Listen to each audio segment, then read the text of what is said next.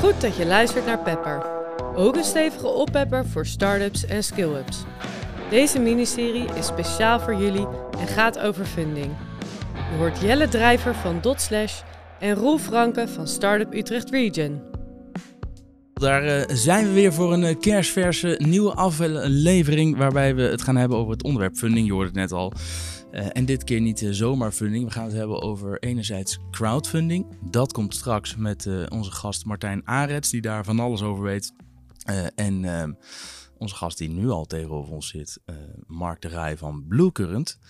Maar dat komt straks. Eerst gaan we het hebben over sharefunding. Had jij wel eens ja. van sharefunding gehoord voordat je met Startup Utrecht begon?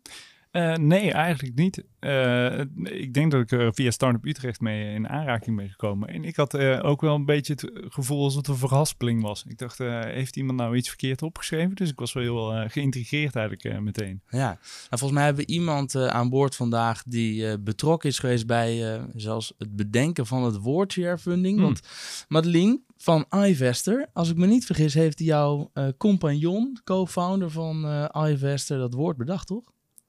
Ja, eigenlijk uh, samen met het team uh, zijn we tot dit woord gekomen.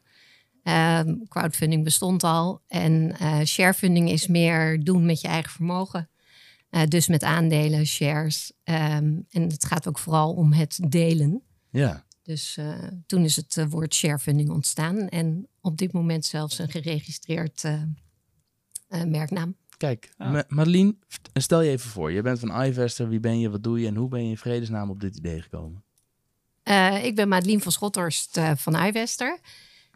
Um, ik ben zelf niet op dit idee gekomen. Uh, ik moet zeggen, Gijs, de oprichter, Dale ja. Meurs. Um, hij is mijn broer. En hij is um, vijf, zes jaar geleden hiermee begonnen. Hij in zijn privé situatie ontdekte die van hoe het geldsysteem uh, in elkaar zat. Hij komt uit de bankwereld. Um, en had, uh, ja, was van mening dat uh, we, we, meer in een schuldenmaatschappij leven dan ja, iedere euro van de ene is een schuld van de ander. En um, ja, hij wilde dat veranderen eigenlijk. Hij wilde daar een andere opzet aan geven. Ontdekte door, door een, een huisje wat hij heeft wat hij op Airbnb kon zetten, dat hij dus van zijn eigen equity eigenlijk uh, ja, liquiditeit kon creëren.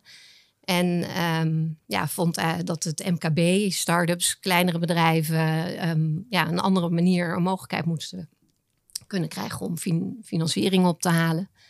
En uh, ja, zo is sharefunding eigenlijk uh, ontstaan. ja, dus, we hebben natuurlijk een, een, een nou ja, start-up. Ja, dat, een paar jaar geleden was je echt een start-up, uh, Mark, met Blue Current.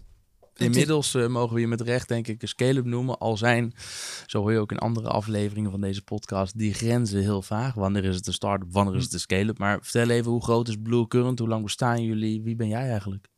Uh, Mark Draai, samen met Arnoud Fontijn een tijdje terug uh, Blue Current uh, opgericht. Uh, met het doel om alle drempels weg te nemen die ons in de weg staan om heel allemaal elektrisch te gaan rijden. Um, en dat doen we al een tijdje. Eerst hebben we gewoon heel hard aan productontwikkeling gesleuteld. En op een gegeven moment zijn we in 2017 echt met verkopen begonnen.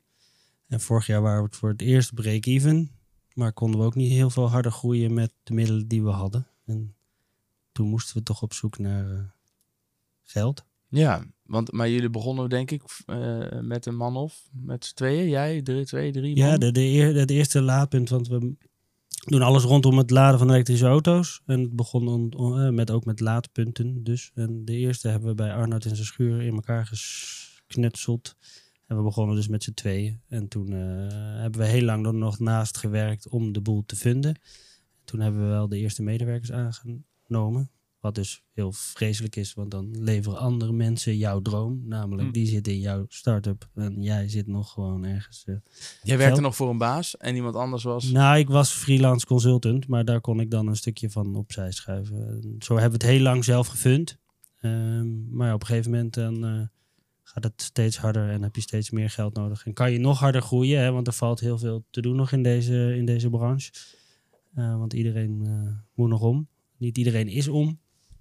En toen, uh, ja, op een gegeven moment kom je dan aan het, aan, aan, ja, aan het limiet van je eigen portemonnee.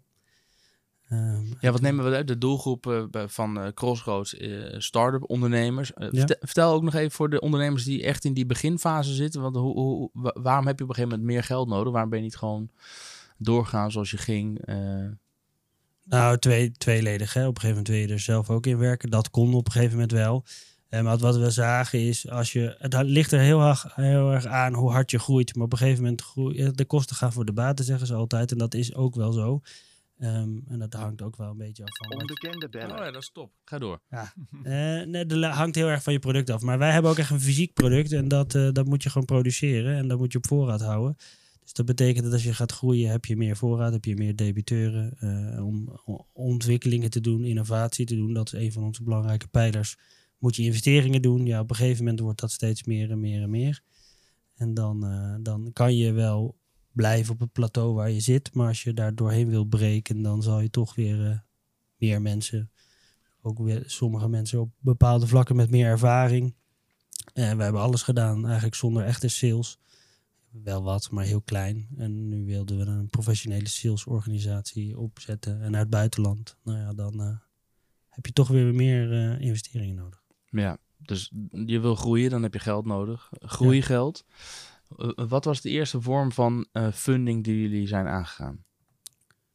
Eh, nou, we hebben heel lang zelf gedaan tot de coronacrisis. Toen stonden we op het punt om geld op te halen. En de eerste gesprekken waren volgens mij in de, in, in de week van de lockdown. En toen eh, haakten ze op het laatste moment af. De een omdat hij het spannend vond, eh, de partij. En de ander omdat ze corona hadden. En toen dachten we, wow, dit is niet helemaal het moment waarop we tegen de beste condities eh, geld op kunnen halen. Wat voor, wat voor een vorm van funding was dat? Dat was ook equity. En equity dus een deel van je bedrijf weggeven in ruil voor geld. Aandelen. Exact. Ja. Exact. Dus daar zaten we in dat proces. Dat ging door corona dus even niet door. Gelukkig hebben we dat kunnen over, overbruggen met de COL, de Ja. corona-overbruggingslening. En toen dachten we, nou, dat vragen we aan. Dan kunnen we oneindig groeien. En toen ging het toch weer harder. Eh, dus eh, dat is goed nieuws. Maar toen hadden we dus op een gegeven moment wel weer funding nodig. Liep je toch weer uit je geld.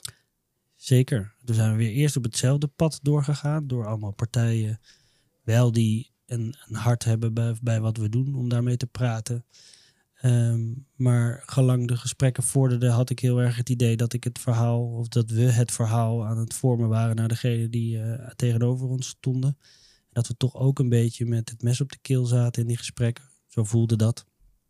En toen kwam ik bij een event van Dot Slash nog een keer eh iVester tegen. En toen dacht ik, ja, we hebben dat ooit overwogen en niet gedaan. Ik ga toch nog eens vragen, ik ga nog een keer achterhalen waarom we dat niet hebben gedaan. En toen, toen dacht ik, hé, hey, wacht even, nu snap ik het niet meer. Ja. Dit klinkt beter, want hier kan ik ons eigen verhaal vertellen en daar mensen bij zoeken. ja. Vertel even, wat had je overwogen en niet, en niet gedaan? Nou, ik heb eerder, eh, we hebben eerder voor de, voor de periode van die corona, hè, rond die corona dingen, hebben we eerst ook eh, een, een, een share funding eh, in het algemeen overwogen. Eh, maar toen was iVester denk ik nog wat kleiner. In ieder geval achteraf, hè, dus recent, voordat we deze campagne deden, dacht ik van, ja, dat hebben we ooit afgeschreven. Maar ik wist niet meer precies waarom. En toen ben ik vragen gaan stellen aan de mensen die mee waren op het uitje. Toen dacht ik, ja, nou snap ik het helemaal niet meer.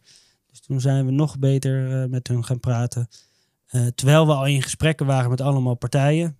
Waarbij ik nog steeds het gevoel had van ja, zij gaan straks dicteren hoe ik mijn, mijn toko doe met z'n allen. Met mijn, met mijn collega's. Eh, ja, bij nader inzien had ik dit liever gedaan. Kunnen we niet toch nog, nog een keer terug? Wat natuurlijk heel vervelend is als je er al heel veel tijd in hebt zitten. Maar het voelde, het voelde gewoon beter. Want je vertelt je eigen verhaal en daar zoek je mensen bij. En je maar, eh, schept ook de mogelijkheid om iedereen van je klanten en je leveranciers en je collega's in te stappen. Ja. Dat is toch een ander verhaal. Ehm, dus dat zijn we gaan onderzoeken. En het voordeel daarvan ook is, hè, als je elke keer 40 gesprekken, of weet ik veel hoeveel gesprekken, wij hadden er niet zoveel, maar wel veel, moet je elke keer weer opladen en elk gesprek staat op zich. Met een campagne als, eh, als, als met iVester, dan investeer je al je tijd gaat zitten in een betere campagne. Ik bedoel, als je het goed aanpakt, dan besteed je er tijd aan en dan wordt het wel of geen succes. De meeste worden vast een succes. Maar wij gingen vanuit, het wordt in ieder geval een succes. Dus elke euro en elke minuut die ik erin steek, wordt het beter. Als ik een extra gesprek met nog een partij voer, daar kan het ook beter van worden. Maar op zich niet, want het is elke keer hetzelfde gesprek. En allemaal hebben ze een andere signatuur. Dus de ene moet niks van hardware hebben, de ander niks van software. De ander wil alles in recurring, de ander wil dit. Nou, in ieder geval, het voelde niet meer zo lekker.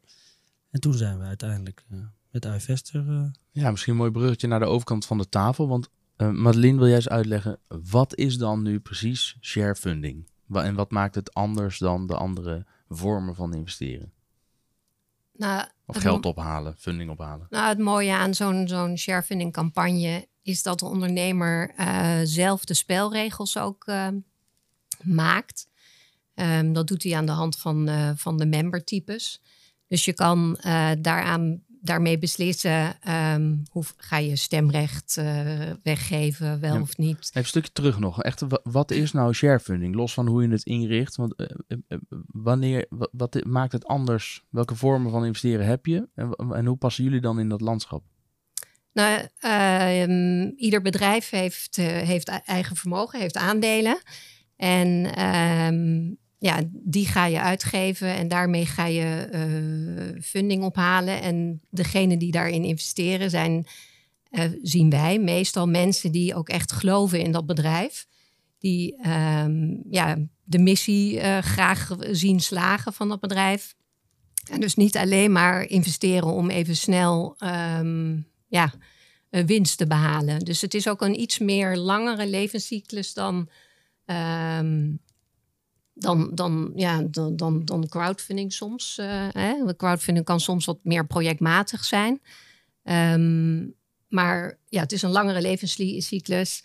En um, ja, vooral ondernemer maakt zelf ook de, de, de spelregels. En dat is wel het mooie eraan. Je hoeft niet per se heel veel weg te geven als een grotere investeerder komt. Dat kan wel, kan je wel voor kiezen natuurlijk, om de expertise juist in huis te halen van, uh, van een grotere investeerder.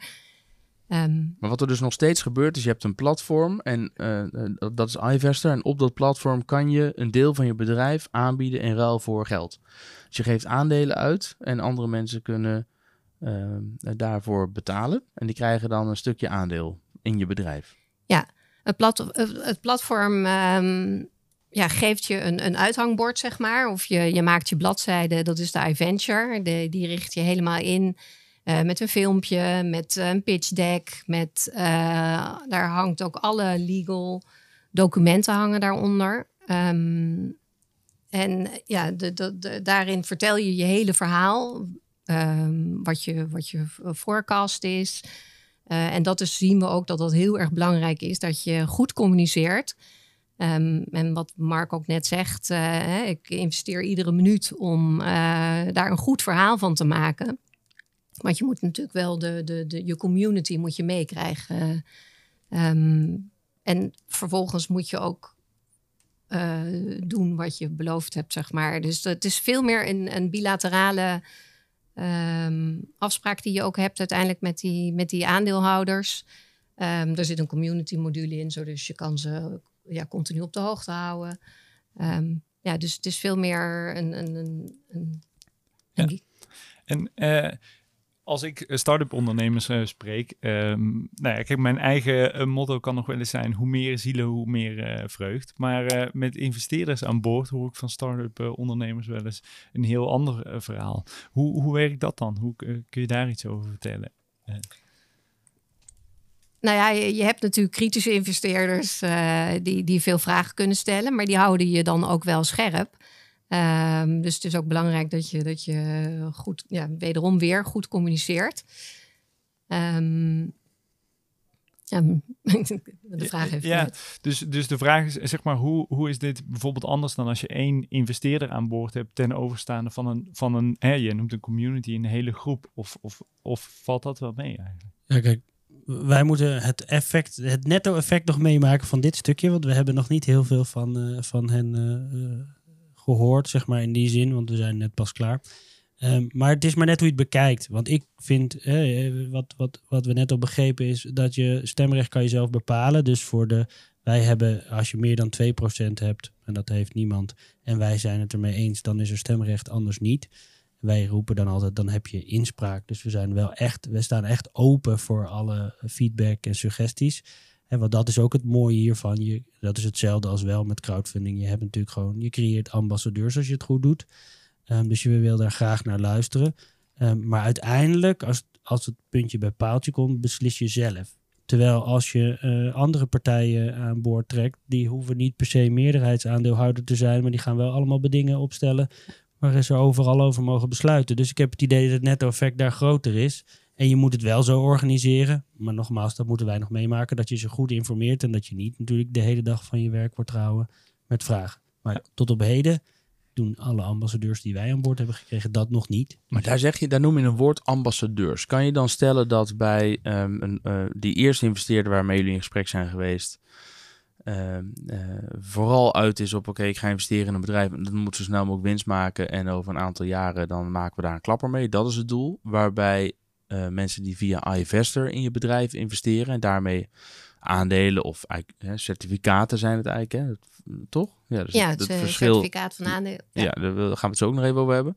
Dat die mensen eigenlijk, dat dat eerder ambassadeurs zijn die het sympathiek vinden wat je doet. Dat je heel veel relatief kleinere tickets doet um, en dat het meer vanuit de gunfactor gaat.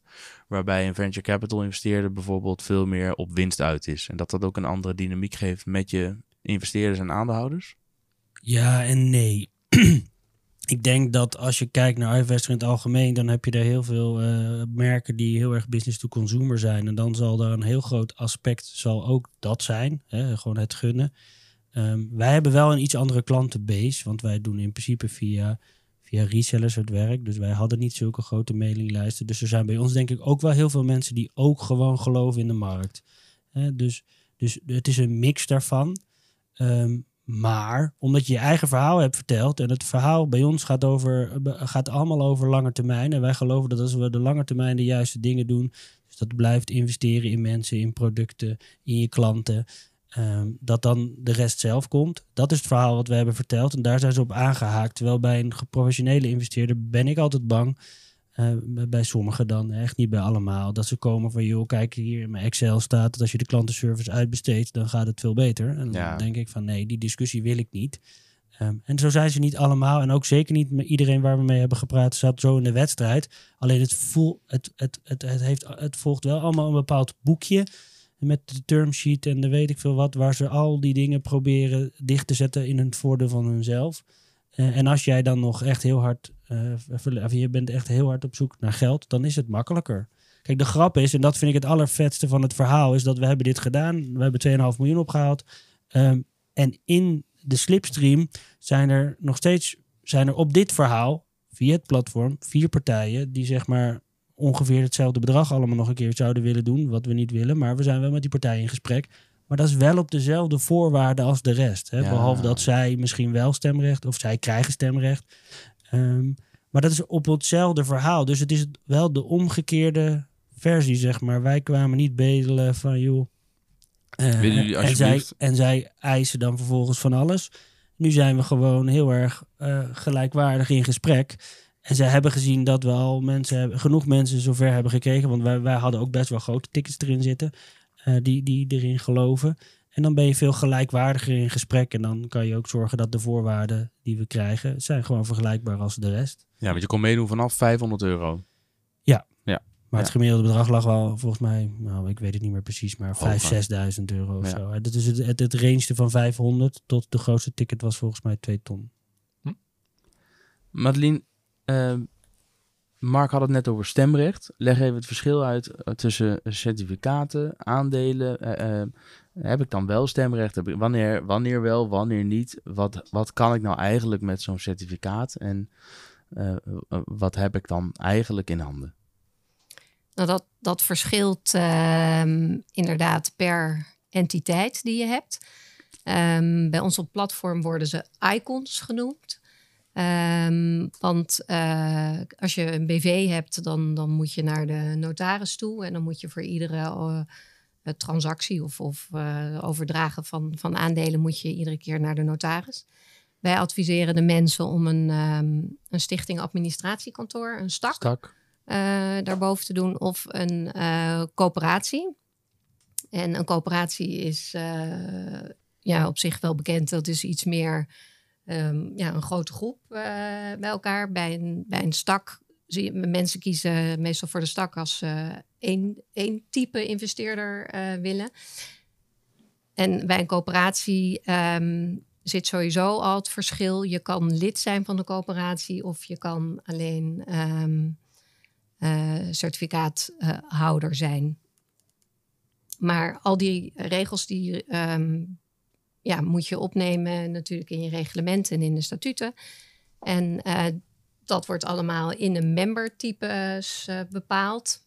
Dus uh, zoals, zoals Mark ook zei, uh, je kan hele kleine investeerders hebben. Uh, we hebben sommige iVentures die beginnen al vanaf 200 euro, zeg maar.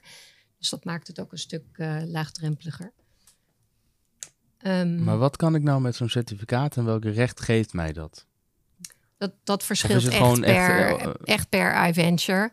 Um, dus, dus afhankelijk van, uh, ja, van welk, welk type entiteit je gekozen hebt. En um, ja, dus je kan zeggen vanaf uh, een x procent uh, ben je ook lid van de coöperatie. En daarmee heb je ook stemrecht, stemrecht, zeg maar. Ja. Maar, maar ik, er zit ook een, een poll- en vote module in. Dus je kan ook zeggen van ik doe wel een, een peiling uit. En ik weet Niet wat bindend. er leeft onder de ja. mensen. Um, ja, en, en ik, ik heb dan uh, zo'n certificaat bijvoorbeeld. Um, kan ik dat ooit nog te gelden maken? Krijg ik dividend? Krijg ik. Wat, wat, wat, wat heb ik daaraan? Nou, ook, ook die regels staan uh, opgenomen. En... Wat is gangbaar? Wat, Mark, waar hebben jullie bijvoorbeeld voor gekozen? Ik, ik, ik, laat ik eerst even een rondje. Roel, heb jij, heb jij aandelen gekocht of certificaten Blue Current? Nee, baal uh, nog iedere dag. Ja, terecht. uh, Mark, of Martijn? Nee? En Rianne?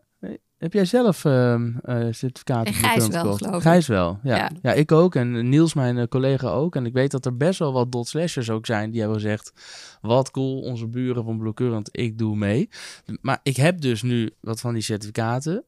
Ik heb dat ook vooral gedaan omdat ik geloof in jou en je team en het bedrijf. En omdat ik denk dat dit kan haast niet anders dan dat het meer waard gaat worden. Dat speelt natuurlijk ook mee. Maar ik heb eigenlijk... Ik merk als ik naar mezelf kijk, ik heb eigenlijk geen idee. Ik heb uh, natuurlijk die hele prospectus en de pitch deck en alles doorgelezen. Maar ik heb het vooral gedaan op basis van de gunfactor en, en, en op de mens. Uh, en nu krijg ik dan nu dividend? Uh, of, of krijg ik daar, is het vooral ja, gewoon stil blijven zitten en hopen dat het ooit meer waard wordt, dat certificaat? Nou, dan... En kan ik, het, kan ik het bijvoorbeeld alsnog aan Roel verkopen? Want die wil heel graag wat van die certificaten. Hoe werkt dit? Ga ik je uitleggen. In ieder geval in ons geval. Maar dan heb je ook wel een beetje de smaakjes bij de rest. Volgens mij kan je instellen wel of niet of er een lock-up periode zit. Nou, dat zit er bij ons wel op. Dus je kan de eerste zoveel. Ja, we hebben hier een uh, geluidje voor. Een lock-up periode. Ja, dat betekent dus dat je gedurende een bepaalde periode even niet kan verkopen. Oké. Okay. Um, die, die zit er bij jullie? Ja. Hoe lang is die? Volgens mij 12 maanden. En daarna is het vrij verhandelbaar? Ja, dan kan je het gewoon op het platform aanbieden. Uh, dus dat kan sowieso. Ja. Uh, je uiteindelijk, als wij dividend uitkeren, dan krijgen jullie, krijgen alle certificaathouders het ook. En want sommigen denken dat als het een certificaat is, dan heb ik niet echt aandelen. Maar equity, het is gewoon equity en het is al dan niet met stemrecht. Dus het is, het is, mensen vinden het altijd heel spannend. Want ik heb wel eens tegen iemand heeft tegen mij gezegd van ja, als wij instappen wil ik wel echt aandelen.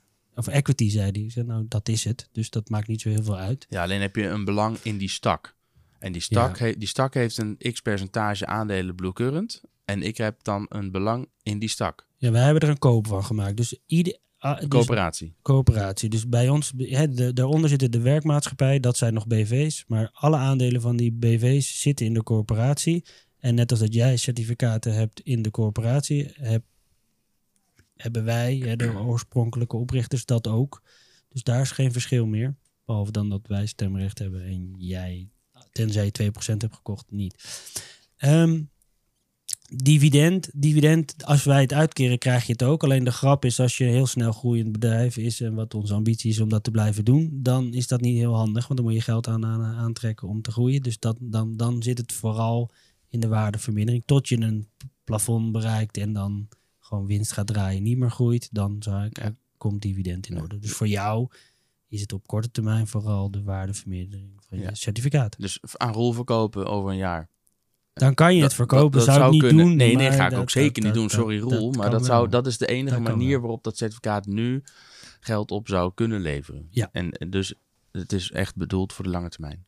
Ja. Hey, die, die, die coöperatie in jullie geval, die heeft dus een, een belang. Hè? Maar kan die coöperatie verwateren? En daarmee dus mijn belang in die coöperatie ook? Eh, ik ga ervan uit dat iedereen altijd kan verwateren. Maar Nou ja, je kan natuurlijk van die non- non-dilutable aandelen, ja, dus niet precies. Dat, maar dat, dat, dat, dat, we, dat kan je instellen. Volgens mij hebben wij dat, Dat niet is gedaan. ook weer Ja, in dus, die... eh, in die- Allemaal keuzes. allemaal keuzes. Dus wel je goed moet lezen op het moment dat, Ja. dat je, voordat je gaat investeren, hoe zit het eigenlijk en wat, is, eh, wat zijn in dit geval de voorwaarden? Want die verschillen echt per, eh, hoe noemen jullie het, iVenture. Ja. Ja, die verschillen echt per adventure. En dat zijn dus de spelregels die het bedrijf, de ondernemer, eh, ja, vastgelegd heeft. Die kan dus ook niet meer halverwege de rit eh, die spelregels zomaar veranderen. Dus ehm, Ja. dat is juist het mooie wel.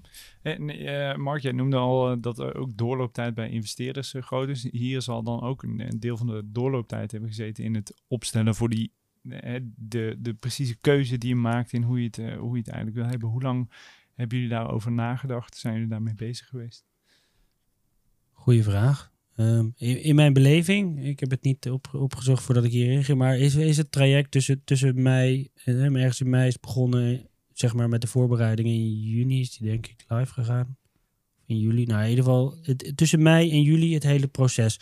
Dus dat is vrij snel. Ik denk dat het ook vrij snel was, omdat we al wel heel veel materiaal hadden. Ehm, en omdat we er ook wel echt professionals bij hebben gehaald om het zo goed mogelijk te doen. Want als je er dan, in ons geval, als je dan afstapt van het ene en je doet het andere, dan moet je het ook wel even serieus doen. Hè, dus we hebben voor het eerst eh, marketingmensen eh, binnen het boord gehad die ook echt verstand hadden van marketing. Ehm eh, dat wil ik niet de rest tekort doen, maar dat waren altijd stagiaires. Dus we hebben nooit echt iemand aangenomen die dat deed. En dat hebben we hier wel gedaan. Eh, en dat heeft ook zijn vruchten. En daar zijn we ook niet meer mee opgehouden. Dat Ja. beviel wel, dus dat doen ze nog steeds. Ehm, dus het kan volgens mij vrij snel. Ik heb het idee dat het een snellere methode is dan met de investeerders. Omdat daar, daar ga je eerst snuffelen en dan ga je praten. En je wilde niet maar met één praten, dus je gaat er met meerdere praten. En die zitten allemaal in hun eigen ehm cadans. Er zijn investeerders, hè, we hebben ook wel gehad dat ik dacht, goh, die, die gaan echt meteen de diepte in. En die laten ook meteen weten van, ja, onder deze voorwaarden wel of niet. Maar meestal duurt het proces wel iets langer. Hoe lang heeft dit uiteindelijk geduurd als je vanaf het moment dat jullie dus zijn gaan schrijven aan het pitch deck, gesprekken met iVester en uiteindelijk het sluiten van de campagne op 2,5 miljoen funding? Ja, dat was dus van mei tot en met juli. Ja, dat is heel snel. Dat is de, ja, Om- dat weet om jij 2,5 beter, miljoen maar op te halen is dat best snel. ja. Ja. Dat ging bij jullie heel, heel snel. Ik, ik geloof Dat heeft drie weken opengestaan of zo? Twee weken uiteindelijk dat je kon kopen? Ja, we hebben, we hebben dan nog een fase ervoor gedaan. Hè? Dus we Ja, hebben eerst eerder, reserveren. eerst reserveren en daarna eh, hebben we dat eh, opengezet op iVester. Je kan het ook rechtstreeks. Ja, je had een soort early bird eerst eh, voor, voor het eigen netwerk en daarna ging het echt open. Ja. Ja, Ja, je dus- kan het dus eerst privaat zetten, je kan het semi-publiek zetten, je kan het volledig publiek zetten. Ehm, dus dat, dat eh, ook daar weer maak je zelf de spelregels dat je ehm, hè, mensen eerst eh, moeten vragen, bijvoorbeeld van goh, kan ik een account bij je krijgen, maar je kan ook het gewoon helemaal openzetten en dan kan iedereen die interesse heeft daar eh, de iVenture helemaal bekijken, alles doorlezen en dan op invest drukken. Ja. Ehm, Over dat doorlezen gesproken. Mark heeft een hele goede marketeer ingehuurd, zegt hij net. Dan komt er een prospectus uit en een pitch deck. En eh, er komt ook een waardering uit op een gegeven moment. Hoe, eh, hij heeft er natuurlijk een belang bij om dat hele verhaal zo goed en rooskleurig mogelijk ook voor te stellen. Hoe, hoe voorkomen jullie bij het platform iVester dat, dat ehm, de propositie enorm wordt opgeblazen en mooier wordt voorgedaan dat die is? Nou, ik denk dat de ondernemer eh, voornamelijk gebaat is bij een zo goed mogelijk verhaal neer te zetten, wat bij de waarheid ook, eh, ook eh, komt. Dat hoop ik ook. Maar er En- zullen ook ongetwijfeld ondernemers zijn die denken: we gaan het echt, we, we, we gaan het op zijn Amerikaans overcellen. Om maar zoveel mogelijk op te halen. Nou, wij, wij hebben partners die ook begeleiden bij het opzetten van deze campagnes. En eh, die zijn eh, gespecialiseerd dus, eh, in verschillende aspecten. Of sommige partners hebben, hebben bijna alle aspecten.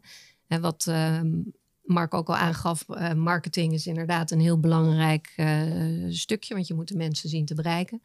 Waardering is ook een heel belangrijk stukje. En daar zal zo'n partner je ook echt serieus de voor- en nadelen ook geven. Van goh, je kan wel een hele hoge waardering willen nastreven. Uh, maar soms is het ook beter om een hele reële waardering te doen. Begin dan misschien met een wat kleinere ronde. Um, om, om daarmee ook al te kunnen groeien. En daarna misschien een volgende ronde te doen met een hogere waardering. Ja, maar, um, maar ook los van de waardering, ook het verhaal van het bedrijf. Dus ja, nou, er wordt ook een governance check gedaan, dus wel, dus wel van, van verkoop jij wat je zegt dat je verkoopt. Uh, ja, bestaat dat dan ook wel uh, daadwerkelijk? Um, ik vraag het omdat even heel, heel lomp en rauw gezegd, ook jullie hebben er een belang bij, namelijk Zeker dat, weten, dat ja. uh, die campagne van Mark zo succesvol mogelijk is. Dus nee, hoe... niet, niet alleen maar dat het voor hem zo succesvol mogelijk is. Dus ja, wel dat het succesvol is. Um, maar niet dat het uh, dus heel snel per se uh, volkomt. Het gaat om die langere levenscyclus ook. Um, ja, dat de, de mensen ook uh, ja, gevoel krijgen bij, bij waar ze dan in geïnvesteerd hebben, dat dat ook.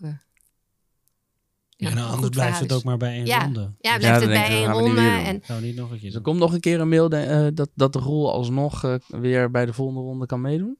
Alleen tegen een andere waardering natuurlijk, tegen die tijd. Nou, dat staat nog niet op de, de planning. Je, kan, je, hebt nog, je, je, je hebt nog wel een runway nu. Zeker, en we zijn dus nu, en dat, we zijn nu nog met die grote partijen bezig. Hè, en dat brengt ook weer wat anders, want die kunnen ons op andere vlakken ook nog helpen. Ja. En voor jouw uh, gemoedstoestand, we hebben, hè, van, we hebben dus 2,5 miljoen nu gedaan, maar we hebben 5 miljoen gereserveerd. Dus die andere 2,5 miljoen, dan verwater je nog niet. Oké, okay. oh, gelukkig, gelukkig. um, nog een uh, uh, laatste vraag aan Madeline. En dan gaan we over naar, het, naar de andere vorm van investeren, namelijk crowdfunding. Dan gaat Martijn aanschuiven. Uh, wat is nou het verschil tussen jullie platform en bijvoorbeeld een Simbit, die uh, ook gewoon een, een, een aandelen crowdfunding platform hebben? Uh, nou, ik denk dat Gijs hier uh, nog beter antwoord op kan geven. Die kan ik inbellen. Ik weet niet of die, of die beschikbaar is. Maar uh, ja. ja, dat kan. Ja. Nee, nou, um, ik, ik, ik weet van, van ons platform dat het heel veelzijdig is. dat je dus heel direct communiceert met de, degene die investeert. Um, ik ga Gijs gewoon bellen, lachen. Weet je? Nou, omdat, lijkt me ja, heel omdat goed het kan. idee. Kijken wat er gebeurt. Zo'n leuke... Even kijken of dit werkt zo. Ja. Ik hoor hem overgaan. Dus Ja, Ja, dit is... ehm, Spannend. Die neemt aan en komt met... Ah, Jelle, ik krijg nog een hele hoop geld van je. nou, dat, dat kan niet. Gijs! Jelle. hey, je bent, je Ah, bent in kom onze maar. uitzending. Ik zeg het meteen maar even voordat je Oh, begint. eh, ja. Gijs, mag Oké. jou, de vraag is, waarin verschilt een iVester als platform en diensten nou van bijvoorbeeld een Simbit, wat ook een aandelen crowdfunding platform is?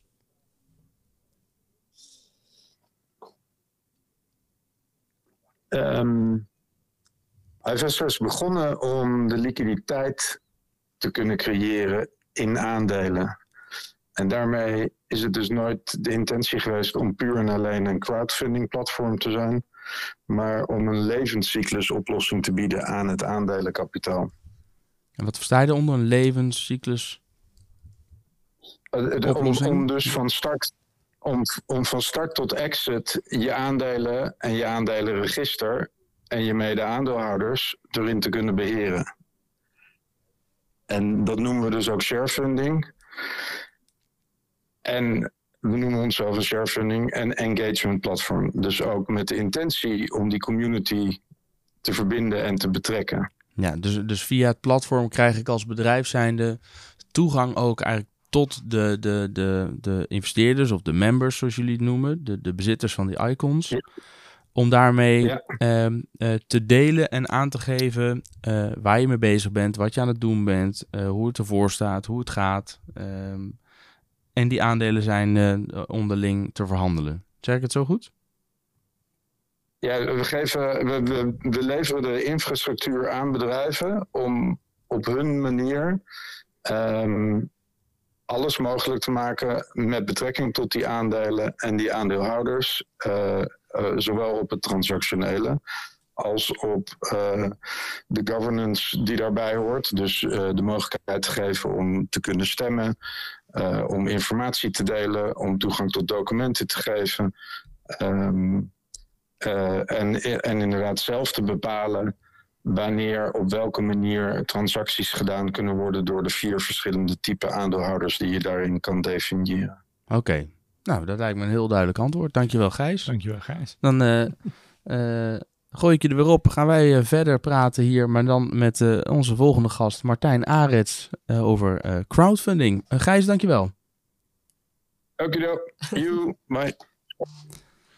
Nou, zie je dat... Uh... Ja, dat, dat rolde er heel soepel uit. Kijk, jullie zijn een goed ja, team. hij doet dat verhaal de hele dag. ja, nee, ja, heel goed. Nee, ja, dat is toch mooi. Ieder zijn... Uh, als, is... als mensen vragen hebben over hoe ze technisch dingen moeten doen... of hoe zet ik mijn marktplaats uh, open... Of, ja, dan, dan moet je weer bij mij zijn. Ja, heel goed. Ja, dan mag ik nog één klein stukje aanvullen. Want volgens mij, wij hebben wel naar meerdere platformen gekeken. Dus ik kan ook nog vanuit mijn optiek doen. En misschien doe ik Simbit te kort. Ik heb wel gekeken ook naar Crowdcube, wat hetzelfde is. Maar wat mij opviel daar, is dat zij graag tractie willen en dan de crowd willen betrekken. Dus je moet eerst een lead investor hebben om, om vervolgens de crowd erbij te betrekken. Terwijl bij um, iVestor kan je zelf zeg maar, de tractie genereren. Dat was vanuit onze optiek een groot verschil. Want anders kwam ik weer met hetzelfde dilemma. Moet ik eerst weer een lead investor uh, erbij fietsen. En dan mag ik daarna nog eens een keer um, de ambassadeurs erbij halen. Terwijl wij wilden het andersom doen. Dus nou ja, dat is volgens mij ook nog een kleine nuance. Heel goed.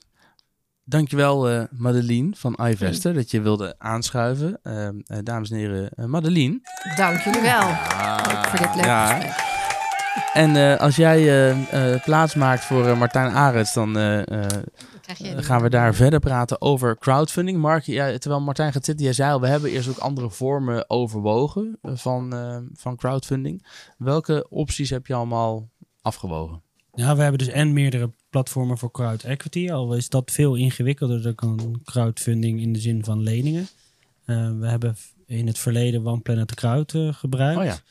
Uh, voor onze exploitatiepalen. Daar investeren wij in de laadinfrastructuur. En dat kan je makkelijk dan je crowdfunding ophalen. Wat ook, hè, datzelfde effect hebben, kan je ook ambassadeurs. En sommige van die mensen komen ook met goede ideeën. Dus dat is hartstikke tof. Alleen waar wij tegenaan liepen is op een gegeven moment dat je alles, alles maar met leningen doet. En dat is natuurlijk wel een beetje wat het bij het iVestor verhaal aansluit. Dan gaan je ratio's, een beetje technisch, maar gaan ook naar de knoppen en dan kan je je niet meer verzekeren. Dus op een gegeven moment is het ook wel fijn om eigen vermogen te hebben en je niet helemaal op te knopen aan leningen. Dus de meeste platformen zijn een vorm van lening. Wat ook fijn is, want dan ben je geen aandelen kwijt. Maar op een gegeven moment wordt het wel een beetje vervelend voor je ratio's. En dan wordt het weer ingewikkelder. En bij ons heel concreet konden wij onze inkoop niet meer uh, verzekeren door onze ratio's. Want dan zegt de computer gewoon nee. Hm. Um, dus dan moet je die ook versterken. En dan, want anders krijg je dan, heb je meer en meer geld nodig om elke keer voorraden voor te financieren. Ja, dat is niet tof. Ja, we, we, daar hebben we het nog niet echt over gehad. Maar, maar jullie hebben de call gehad, de corona-overbruggingslening. Daar kwamen jullie voor een aanmerking. Ja. Uh, vanuit de, uh, volgens mij de regionale ontwikkelingsmaatschappij, de ROM, die deed dat uh, hier. die waren net opgericht en dat was, die zaten meteen vol in, in de call. Ja. Maar jullie hebben toch ook een, een innovatielening gehad van de Rabobank? Ook dat, ja. Dan nog, nog een stukje eerder, inderdaad. Ja. dus dan, dan, en we hebben dus crowdfunding gedaan voor die exploitatiepalen een keer. En nog wat leningen. Op een gegeven moment wordt dat dus in verhouding tot het eigen vermogen heel erg veel. En dan, uh, dat maakt niet op zich voor ons niet uit omdat we hard groeien. Maar uiteindelijk is het voor de, voor de banken en voor de verzekeraars. Dan kijken ze, die kijken gewoon naar ratios. Wat is de verhouding eigen vermogen, vreemd vermogen. En die raakt dan uit balans. Als je niet mee mega veel winsten maakt. Maar als je heel veel investeert, dan maak je niet mega veel winsten. Dus dan gaan die dingen uit de pas lopen. En dan zeggen ze, ja, dan kan je dus niet meer verzekeren. Ja. Of niet meer extra lenen. Dus dan is het ook wel fijn om die... Uh, en wat af te lossen aan de ene kant en wat meer equity. En we hebben zelf ook wel onze leningen die we hadden omgezet voor equity om hetzelfde doel. Ook om te laten zien dat tegen deze waardering wij ook zelf instappen. Ja. Um, um, via iVestor. Dus ja, dan, dan we moeten toch het goede voorbeeld geven. Ja, en, en um, wat zijn wel de voordelen aan zo'n uh, innovatielening van de Rabobank? Een lening aan zich. Ja, nee, dat was heel vet, want dat was het in het begin. Hè. Toen, uh, en, uh, in die zin mogen we de Rabobank een pluim geven. Want dat is een van... Iedereen die om me heen, die ik hoor, die een start-up doet. En als ze dan zeg maar in... eh, plant-based food of weet ik veel, iets innovatiefs zitten of iets gaafs, dan is vaak hoor ik de innovatielening van de Rabobank. Dus die zijn wel echt een partij die ook nog risico nemen. Normaal zijn banken partijen die hun paraplu terugtrekken als het gaat regenen. Ja. Uh, maar dan kan je over de innovatielening kan je dat niet zeggen. Nee, nee, de meeste banken die doen waar ze voor gemaakt zijn, die laten je zitten. Ja. Martijn, uh, leuk dat jij erbij... Mooi uh, bruggetje. ja, toch? Boom, hebben die ook? Ja. Hoppakee. Martijn, jij bent aangeschoven. Vertel even kort... nee, dat kan bijna niet bij jou kort, want jij doet zo ongelooflijk veel. Maar probeer het eens. Wie ben je en wat doe je? Ik ben Martijn Arets. Um, ik woon in Houten en hier ook uh, bij Dotfles kantoor in Utrecht uh, sinds, het, uh, sinds het begin. ik noem mezelf professional outsider als titel. Oftewel, ik, ik, ik hoor nergens bij en ik kijk eigenlijk overal van buiten naar binnen. en daarin ben ik dus internationaal platform-expert, waarbij ik eigenlijk alle ontwikkelingen op, op, het, op het gebied van online platformen de afgelopen tien jaar volg en duid. boek over geschreven, nieuwsbrief over, uh, verbonden aan de Haagse Hogeschool, aan de lectoraat platformeconomie, aan de Wage Indicator Foundation, waar we echt kijken naar de global ontwikkelingen rondom platformen en, en arbeid. Uh, en sinds kort ook de oprichter van GigCV. Eigenlijk een standaard op basis waarvan mensen die via platformen werken hun, uh, hun data kunnen meenemen in de vorm van een digitaal cv. Ja, dus als je werkt via het ene platform, dan bouw je daar reviews en beoordelingen op. Ja. En als je dan bij een nieuw platform moet beginnen, dan begin je eigenlijk weer op nul. En dankzij het platform voor jou kun je meenemen, eigenlijk die credits die je al hebt opgebouwd op een ander platform. En die erkennen van elkaar ook uh, de waardering die bij een ander is uh, toch? Zeg ik het zo goed? Ja, klopt. In ieder geval, dit nu uh, echt, echt nog in de, in de exportfase. Dan kun je bijvoorbeeld ook gewoon naar een uitzendbureau gaan als je hebt gewerkt via platformen. Om het als ja, ja, geverifieerde ervaringsdata mee te nemen. Um, en, dat, en dat heeft inderdaad nu impact op zo'n 50.000 werkenden in, in Nederland. Ja. Hey, elke keer als er iets te doen is over rondom uh, of Uber, ofwel flitsbezorgers, of Airbnb, of Elon Musk zegt weer iets raars, dan zit jij met je hoofd bij Nieuwsuur en, uh, en uh, Nederland 1, BNN Nieuwsradio, NOS. Um, hoe komt het dat jij, hoe, hoe, kom jij op deze positie terecht dat jij de, de go-to person bent als het gaat over platformeconomie? Ik denk eerst een lange adem. Ja? ja, zeker, zeker. Nee, het is echt wel het, het, het, het resultaat van, van tien jaar hard werk. Um, hey, op een gegeven moment zag ik dus die, die, die opkomst van die platformen. Ik zag er ook de voor- en nadelen bij. Ook vanuit de achtergrond, vanuit uh, crowdfunding, eigen ervaringen. Um, en ik ging dat, ja, ik, ik was daar, daarna nieuwsgierig. Ik zag, ja, dit gaat eigenlijk iedere sector beïnvloeden. Maar niemand weet hoe. Nou, ik dacht van, nou, dat vind ik wel een boeiend onderwerp om in te duiken. Vervolgens daarin gedoken. Uh, 500 interviews in 16 landen gedaan, 60 reizen gemaakt, uh, een nieuwsbrief begonnen zes jaar lang. En eigenlijk door continu ook als onafhankelijke duider van die ontwikkelingen ook naar buiten te treden, ja, dan, uh, dan word je zichtbaar. wat ik heel erg merkte in het begin is, ja, zeker ook, hè, want de eerste keer nieuwsuur was, ging, ergens, was er het gedoe met Airbnb in Amsterdam. En toen had ik een voorbespreking en zei ja Martijn, ja, ja, we weten echt wel dat jij ja, weet waar je over praat. Maar ja, je bent zo'n eenpitter, hè? Ja, je, je, bent geen professor. Je bent geen, weet veel, KPMG-persoon. Dus eigenlijk de, de, discussie ging toen bij de redactie over... ja, hoe, hoe gaan we zijn, zijn, zijn legitimiteit als expert uh, uh, intern verantwoorden? Nou, dat is gelukt. En dus is die discussie er ook, ook, ook niet meer. En ben ik inderdaad uh, zo'n zo ja, 50 keer per jaar in de media... als er ja, dingen gebeuren, dan, dan bellen ze. Ja, een beetje om te voorkomen dat ze zo'n uh, Rian van Rijtbroek uh, actie rondom uh, cybersecurity nog een keer zouden krijgen. Hey, jij zei zelf net al mijn eigen ervaring rondom crowdfunding. Als ik me niet vergis, ben jij de eerste Nederlander die succesvol een aandelen crowdfund campagne heeft volbracht, voltooid, opgehaald, doel bereikt. Ja, ter wereld zelfs. Ja, klopt. Ter wereld ja, zelfs. Ja, in 2011 was dat. Kijk, nou ja, van mij mag je hier zitten. Wat gaaf. Vertel, wat, wat was dat voor een project? Ik had toen, um, in 2010 heb ik mijn uh, baan opgezegd om mijn droom achterna te gaan. ben in een oud Volkswagen T2-busje vijf maanden door Europa gereisd met de leiders van 20 grote Europese merken in gesprek te gaan. Gewoon puur vanuit nieuwsgierigheid gedreven. Goh, jij, je hebt het merken voor Lego, Adidas, Mini, Skype, Manchester United. Ja, echt 20 mooie merken bezocht. Uh, vanuit nieuwsgierigheid eigenlijk hun merkverhaal opgeschreven. Daar toen een boek over geschreven in Nederland, uh, Brand Expedition. En toen dacht ik van ja, ik wil ook graag een Engelse vertaling. En toen kwam ik via via met, uh, met een van de eerste investeerders in, in Simbit, een, een aandelen crowdfunding platform, in contact. En die zeiden van, goh, ja, wij hebben hier een, een crowdfunding aandelen. Ja, we zoeken nog le leuke projecten. Ja, Korstiaan Zandvliet. Ja, ja, al lang geleden. Ja. En uh, ja, we, ja, we zoeken eigenlijk ja, de eerste projecten voor het platform die ja, in ieder geval een, een grote kans van, van slagen krijgen. En ook wat media-aandacht gaan krijgen. Ja, toen door het ja, verhaal van het busje was ik al, was ik al boord voor de media geweest. Dus ik uh, ja, pakte een en dacht, nou, dat, dat, klinkt wel interessant. Dus uiteindelijk een, een redelijke foute berekening gemaakt van, goh, we gaan 20k ophalen.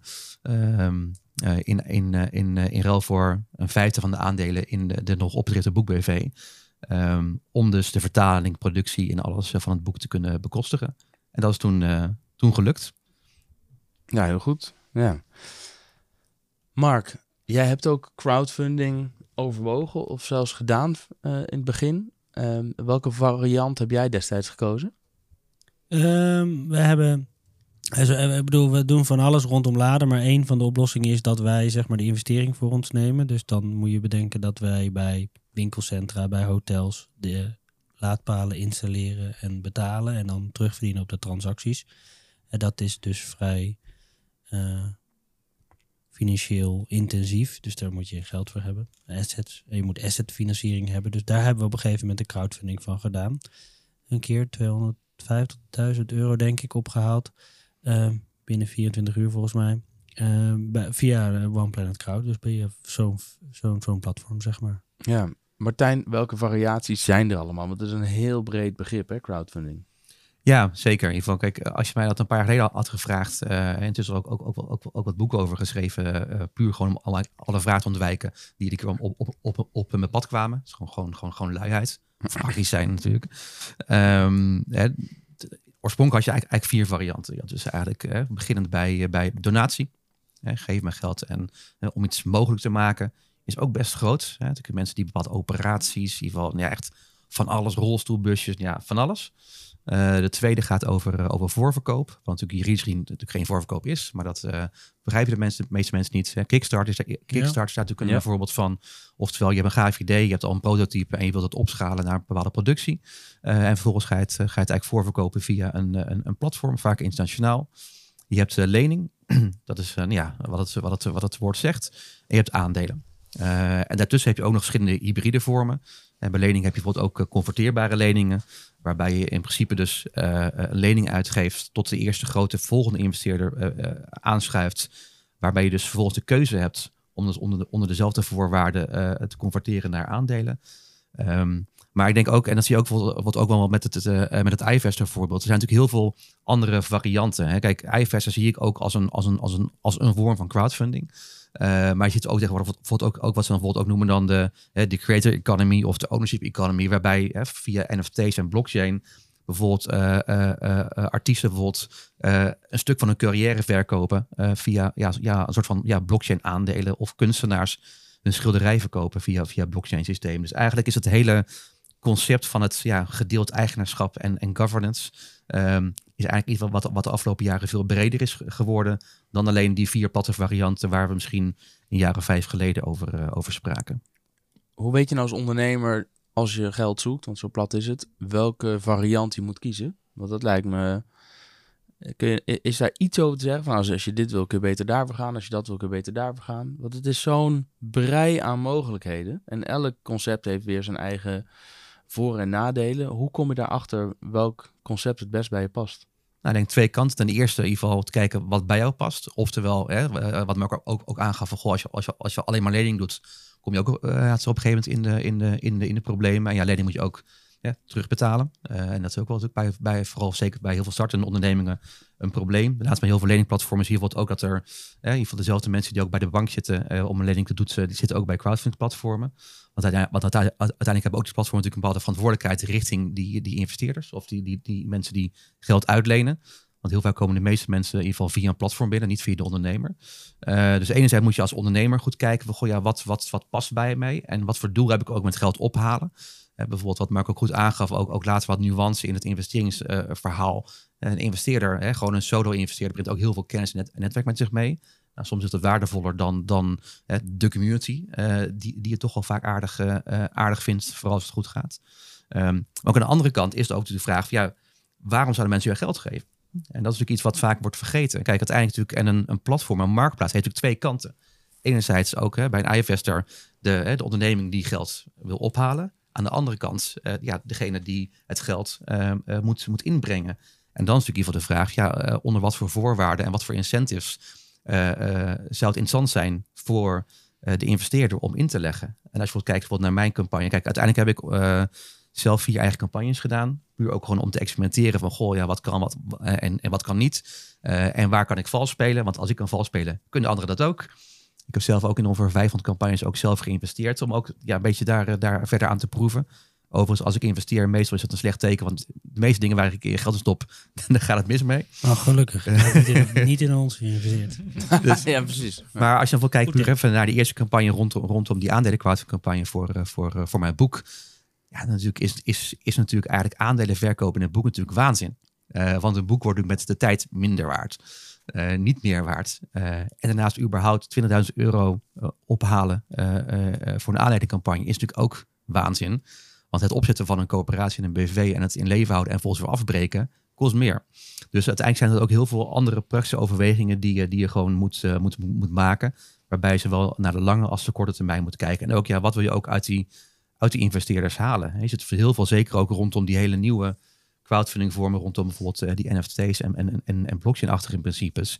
Ja, daar zie je ook echt een, een, een hele lange termijn relatie met, met die, eh, die, die geldgevers. Die bijvoorbeeld ook door het inleggen van geld bepaalde privileges krijgen. Door bijvoorbeeld op bepaalde forums meer content te krijgen. Dus ik denk dat je ook veel breder moet gaan kijken dan puur alleen het centenstuk. Heb jij vragen aan Mark ten aanzien van zijn campagne? Eh, nee, in ieder geval, eh, volgens mij, ieder als ik zo het verhaal hoor, een goede, goede doordachte campagne. Ook ja, als je kijkt daar, naar, de, naar de overwegingen die, je- die, je- die je hebt gemaakt. Ehm, ik ben benieuwd op, wat voor manier, kijk, hè, want IFS biedt natuurlijk heel verschillende eh, tools eh, eh, rondom het organiseren van een campagne, de waardering, alles daaromheen. Ehm, op wat voor manier maak jij zelf gebruik van die tools om bijvoorbeeld ook de investeerdersgroep te betrekken? En, en, en wat hoop je ook uit die groep te halen, zowel op, op de lange of, of de korte termijn? Zie je het, het echt als een, als een community? Of meer als, als, als een soort van ja, nieuwsbriefbestand waar je af en toe even wat dingen, wat dingen heen, eh, heen slingert? Ehm, nou, de intentie is zeker niet het tweede, maar het eerste. Dus dat we ze gaan betrekken. Alleen wat ik al zei, we zijn er net doorheen. En nu zijn we nog druk bezig met die, eh, met die eh, mensen, die, die, de grotere investeerders die erna komen. Maar het idee is wel dat we hun en gaan betrekken bij alles wat we doen. Maar ook inspraak of een event. Of, het is natuurlijk gewoon tof als... Kijk, uiteindelijk zijn wij een bedrijf wat eigenlijk... ehm, gericht is op resellers. Maar we willen wel heel graag in onze communicatie, in ons, hoe onze website is opgebouwd, wel graag ook een band met de eindgebruikers opbouwen. En dus daar voeren we gewoon, als ik het plat zeg, een beetje de Coolblue manier. Ehm, zijn ook blauw. En, en eh, dat willen we dus ook graag met onze ambassadeurs doen, zeg maar op die manier. Ehm, en ik denk dat het wel, hè, ik bedoel, want dat is nog even op de vraag van Jelle. Wat het, het, verschil is wel, ik denk dat iVester primair meer een platform is die alles registreert, eh, die het mogelijk maakt om het te doen. Maar ze gaan er wel voornamelijk vanuit eh, nog dat je zelf zeg maar de crowd erbij trekt.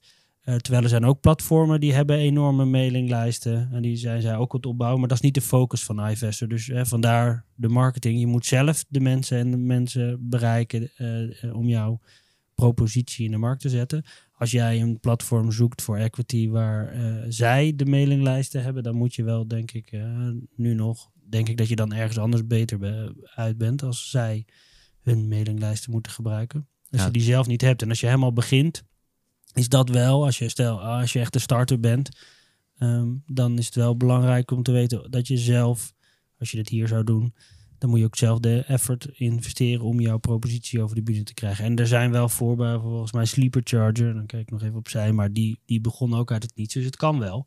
Ehm, maar, die, maar daar moet je wel zelf voor zorgen, zeg maar. En er Ja. zijn ook platformen, en eh, One Planet Crowd, daar hebben we, daar- die heeft hetzelfde riedeltje. Hè? Je gaat het in je inner circle doen. Toen dacht ik, zo, nou, dat ik, had ik harder verwacht, eh, heel eerlijk. En toen ging die open bij hun, en toen was het binnen een paar uur was die vol. Toen dacht ik, oké, die, dus die mailinglijsten kunnen ook redelijk wat waard zijn. Ik heb ooit via Calling Crowdfund volgens mij ergens in geïnvesteerd. En daar krijg ik nog steeds eh, met regelmaat mails van met... hey, we hebben weer een nieuwe propositie voor je. Ja. En dan krijg je gewoon weer de hele pitch deck en de hele prospectus en alles toegestuurd. eh, met de vraag of je ook daar weer in wil. eh, Ja, en. IVS is daar ook mee begonnen. Hè. Die, die doen het ook wel. Maar dat, hè, Gijs heeft ooit tegen mij gezegd, dat is niet per se waar je voor ons kiest. Je kiest voor ons voor het platform, digitalisering van je, van je aandelenregister en het vastleggen van al die afspraken. en het bereiken van je community als je hem helemaal hebt. Um, maar hou er wel rekening mee dat je zelf ook een hele grote rol speelt in het bereiken van die mensen. Hè, Martijn, jij noemde net al uh, een boek. Uh, financieren van aandelen is iets wat je eigenlijk absoluut niet, niet moet doen. ik zie heel veel startende ondernemers. Sommigen twijfelen ook over, over crowdfunding-achtige oplossingen. Heb je nog meer tips of in ieder geval keiharde don'ts die zij niet moeten doen als ze crowdfunding vormen overdenken? Ja, ten eerste, iedere euro die je niet uitgeeft, hoef, hoef, hoef je ook niet binnen te halen. dat is voor mij voor mijn, mijn levensles als, uh, als, uh, als, als ondernemer. Um, kijk, uh, daarnaast is het ja, belangrijk in ieder geval om, om, om het, ja, in ieder geval het doel, maar ook de verplichtingen die je hebt, maar ook op, op, op, de, op de lange termijn, om, om die goed in de, in de, in, in de gaten te houden. kijk, aandelen crowdfunding is vaak lastig. Kijk, het is enerzijds interessant natuurlijk als, als start-up, maar uiteindelijk natuurlijk het neerzetten van die waardering is natuurlijk een, een, een, een hele lastige. want ja, wat is het waard? dat vind ik wel bijvoorbeeld mooi aan die, aan die lening. Dat het eerst een lening is. En op het moment als je iets verder bent, wat, wat gegroeid bent, dan lift je eigenlijk als, als, als investeerder mee op, uh, op uh, ja, uh, een stukje ontwikkeling, maar ook een stukje onderhandelingskracht van de, de volgende grote professionele investeerder. Um, aan de andere kant zie je dat dat, dat, dat, dat, ook, ook, ook weer een risico is. Want bijvoorbeeld in, in, op de, de, de, de buitenlandse platformen, vooral UK, daar is een converteerbare lening is een automatische conversie. Dus als de volgende investeerder instapt, wordt jouw lening automatisch een aandeel. In Nederland, bij, bij, bij One Planet Crowd, is het een optie tot conversie. Wat een risico is. Want stel wordt je uit eerst na 2,5 ton opgehaald. Vervolgens je volgende investering wordt weet ik wel 5 ton. Uh, wat nu als iedere uh, eerdere investeerder zegt, ja dat is leuk, maar ik ga niet converteren, maar het, het, blijft lekker een lening. Dan wordt de eerste 2,5 ton van die 5 ton opgemaakt aan het aflossen van die lening. Dus, dus dat zijn wel, wel wat dingen waar je ook gewoon op langere termijn rekening mee moet houden. Ik denk uiteindelijk dat je, uh, als je geld ophaalt als, als start-up, uh, even los van, ja, ge, geef zo min mogelijk geld uit. Um, goed moet kijken van, ja, het, het, ook ja, hoeveel je nodig hebt. Want ook ja, de hoeveelheid van, van het geld en ook de runway die je daarmee koopt, heeft ook impact op de verschillende ja, smaken die er, die er zijn. Um, en ook, ja, wat wil je ook nog meer behalve het geld binnenhalen? Hè? Wil je bijvoorbeeld echt een hele community gaan binnenhalen? Dan is crowdfunding een hele interessante. Gaat het jou echt om hele specifieke marktkennis? Ja, dat is misschien interessanter om, om gewoon naar een, naar een losse investeerder te gaan. Ja. En je, je noemt nu ook, hè, de, in de UK is het anders dan in Nederland. Het voordeel van een digitaal platform versus een investeerder die je voor je hebt zitten aan, aan tafel is natuurlijk ook dat het gewoon per definitie digitaal is. En, en dus dat er niet echt uh, grenzen zijn. Kun je als Nederlandse start-up zomaar uit ieder land, uit, vanuit overal ter wereld aan crowdfunding doen? Zijn er, nog, zijn er nog dingen waar je rekening mee moet houden als geldstromen overal zomaar vandaan komen? Ja, sowieso uh, heb je natuurlijk een, eh, een, een juridische component eraan, maar ik ben geen jurist, dus dat, dat scheelt. Mogen anderen mogen dat uh, voor, voor, voor hoge uurtarieven doen. um, ik denk uiteindelijk natuurlijk ook zeker, en zeker dan kom je ook heel vaak een beetje in de hoek bijvoorbeeld van, van de pre-sales, de Kickstarters. het is natuurlijk heel interessant om te zeggen van Kickstarter heeft, weet ik veel, zoveel miljoen gebruikers. Dat is, dat is een goudmijn, daar ga ik mijn project opzetten. Maar uiteindelijk moet je ook kijken van ja, maar hoe kun je die mensen ook, ook bereiken? Kijk bijvoorbeeld als je bijvoorbeeld, weet ik in mijn geval uh, een, een, een, een boek hebt. Hè? Stel bijvoorbeeld, je hebt een Nederlands boek. Ja, niemand, uit Duitsland gaat, gaat daar in ieder geval in, in, in, in, in voor inkopen. Dus uiteindelijk klinkt het vaak heel erg mooi over. Er zijn geen grenzen en, en, en grote gebruikersgroep. Maar uiteindelijk is het wel de vraag, ja, hoe ga je die bereiken? Want als je bijvoorbeeld ook als, als, als, als ondernemer verder geen bereik hebt of netwerk hebt in een bepaald land, is het vaak ook moeilijker om daar van de grond te komen. Dus enerzijds er zijn geen grenzen. Uh, maar anderzijds zijn, zijn die er wel. Het is in ieder geval een, een stuk minder mooi utopisch dan, dan vaak wordt, uh, wordt gesteld. Ja, en zo zie je toch dat Mark ook iVester heeft gevonden die ook gewoon hier in de buurt rondlopen en niet, niet een platform uit Amerika heeft gebruikt. Nee, nee, nee, we waren wel in gesprek met een Engels platform, maar dat hebben we dus niet gedaan. ook om die reden? Nou, ook omdat daar weer het verhaal was van kom eerst eens met een, met een lead investor. Um, later was dat weg. Maar, zij, maar ook daar, de prijzen waren ook anders. Want zij laten zich ook goed betalen voor het feit dat zij die mailinglijst hadden. Um, en als je heel eerlijk bent, en dat sluit wel op het verhaal aan. Wij, onze, onze community zit nog in Nederland. We willen naar het buitenland. Dus waarschijnlijk haal je de meeste mensen uit Nederland. Uh, ja, dan en moet je het zelf doen. Um, dus dan kan je beter maar met Nederland uh, beginnen. En dan is het ook wel tof dat ze gewoon bij ons in de buurt zitten. En dat het verhaal mooi was. Hè? Ik bedoel, uiteindelijk hebben ze ook een mooie missie. En dat is namelijk zorgen dat je ook met eigen vermogen je dingen kan doen volgens je eigen regels en je eigen verhaal. En dat vond ik daar wel veel sterker dan bij Crowdcube was het volgens mij. Ja, ja en, en verder zijn natuurlijk wel, wel gewoon, gewoon hele mooie voorbeelden van echt, echt ondernemers die het echt gewoon crowdfunding als structureel uh, instrument gebruiken om uiteindelijk ook hun product op de markt te brengen. Bijvoorbeeld één bekend voorbeeld is uh, bijvoorbeeld uh, Peak Design. Die maken echt een hele waanzinnige vette fototassen. Ik heb er zelf een stuk of uh, ja, te veel. um, wat zij eigenlijk doen is, zij zijn uit begonnen met, met crowdfunding op Kickstarter. Dus de voorverkoop van hun, hun tassen en vervolgens nou ja, dat, dat, dan daarmee eigenlijk hun eerste voorraad financieren. Maar ook met de groei van het bedrijf, nog steeds iedere tas die uitkomt, wordt als eerst via Kickstarter voorverkocht. Daarbij halen ze standaard echt gewoon een, een, een paar miljoen op. Uh, daarmee kunnen ze eigenlijk de eerste batch kunnen ze, kunnen ze financieren. Uh, en, uh, en daarmee ook de, ja, de opstart van de productiekosten ook financieren. En daarna komt hij overal ter wereld in de winkel. Uh, dus daar zie je ook dat je ook op lange termijn ook dit soort ja, financieringsvormen ook kunt blijven gebruiken. Ook ja, in de verschillende fases van je, van je bedrijf. Mooi. Zeker mooi. Ik heb een, uh, een stuk duidelijker beeld over uh, überhaupt crowdfunding en de mogelijkheden, maar ook zeker over wat sharefunding nou precies is en uh, hoe dat voor een ondernemer kan uitpakken en welke afwegingen je daarbij maakt. Dus um, laatste vraag van mijn kant aan Mark en ook aan jou, Roel. Want jij bent natuurlijk van Startup Utrecht onderdeel van de ROM, de regionale, regionale ontwikkelingsmaatschappij Utrecht Region, hele mond vol. Uh, jullie hebben ook verschillende fondsen. Proof of Concept Fonds. Jullie hebben ja. een, um, um, een participatiefonds. Mm -hmm. Nou is bij dat tweede fonds, het participatiefonds, is het altijd zaak dat er enerzijds een venture capital partij meedoet en dan kan de ROM uh, de andere helft doen. Mm -hmm. Hoe zit dat eigenlijk? Weet je dat bij dit soort financieringsvormen? Want ik kan me voorstellen dat Mark uh, ook zou kunnen zeggen, nou we hebben nu 2,5 opgehaald, 2,5 miljoen. Als nou dan de ROM vanuit een participatiefonds die andere helft doen, dan zitten we op vijf. Of had, had Mark misschien wel de helft kunnen ophalen en had de ROM de andere helft kunnen doen.